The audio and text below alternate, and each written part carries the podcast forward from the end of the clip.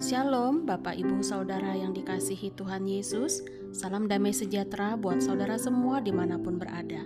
Pagi ini, saya kembali mengajak untuk bersaat teduh dan berdoa dalam renungan penuntun kehidupan setiap hari. Kiranya damai sejahtera Allah dan tuntunan Roh Kudus menyertai kita sepanjang hari ini.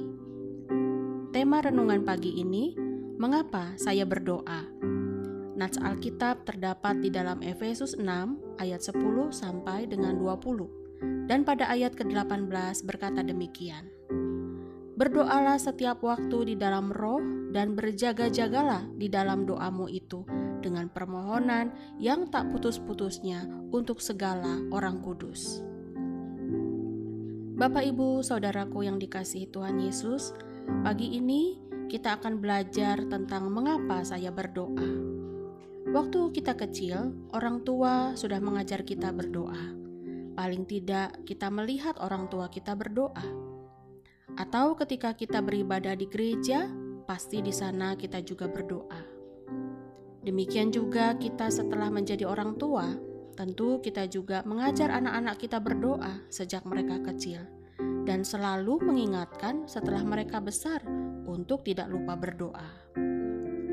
Saudara, kita semua sudah paham bahwa doa adalah sarana komunikasi dengan Allah. Doa adalah persekutuan, hubungan, dan keintiman dengan Tuhan. Doa juga merupakan percakapan, dialog dengan Tuhan. Doa juga merupakan cara kita bergaul dengan Tuhan. Namun, meskipun kita sebagai orang-orang percaya tahu bahwa kita harus berdoa, mungkin sebagian besar dari kita memiliki pikiran bahwa kita tidak perlu sering-sering berdoa. Mungkinkah alasan kita tidak perlu sering berdoa lebih banyak karena kita salah memahami tujuan mengapa kita berdoa? Padahal Alkitab mengingatkan bahwa kita harus selalu berdoa. Saudara, kalau kita mau jujur, bukankah kita akan berdoa kalau kita putus asa? Kita akan berdoa bila kita terjepit, kita akan berdoa kalau situasi sudah gawat darurat. Memang benar bahwa sangat sering kita mengaitkan doa dengan krisis dalam hidup kita.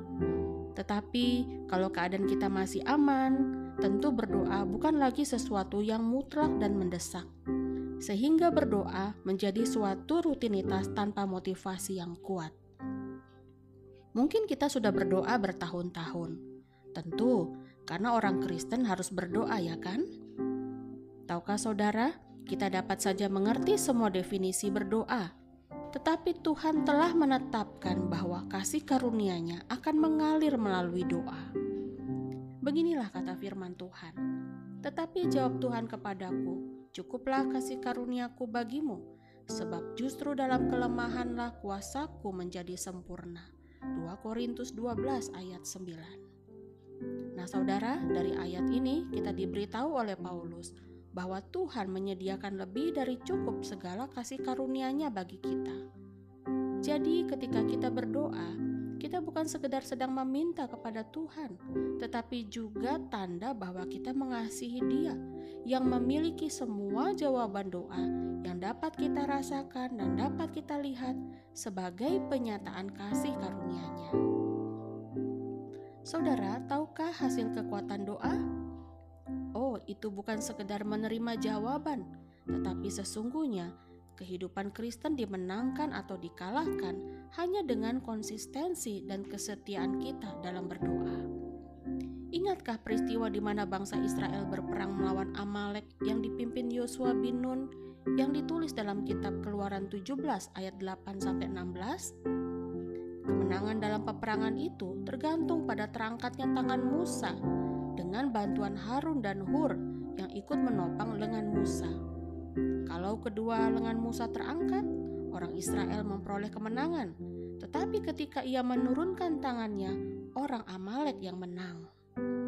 Hal itu menunjukkan bahwa doa yang ditujukan kepada Allah yang hidup sanggup membuat kita kuat dan meraih kemenangan. Tentu saja kekuatan itu tidak datang dengan tiba-tiba, ketika kita mengangkat tangan atau berseru kepada nama Yesus. Namun, ini akan terbangun, akan terbentuk ketika kita konsisten untuk berdoa.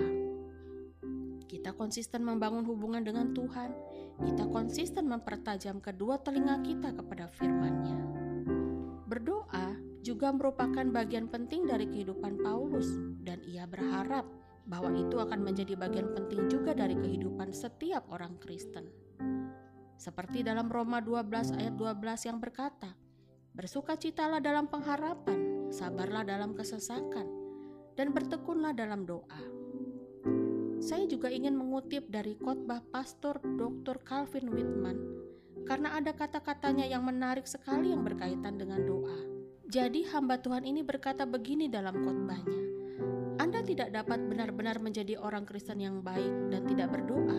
Sama seperti Anda tidak dapat memiliki pernikahan yang baik jika Anda tidak berbicara dengan istri Anda. Jika kedua keadaan tersebut terjadi dalam hidup Anda, Anda pasti sengsara.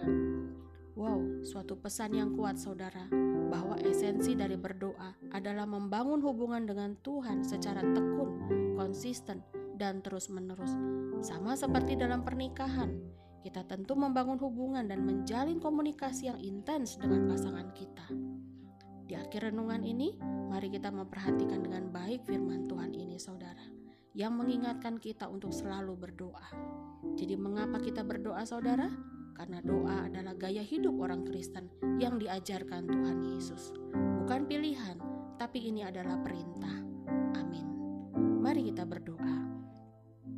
Bapa di surga, terima kasih buat pengajaran doa yang kami dapatkan hari ini.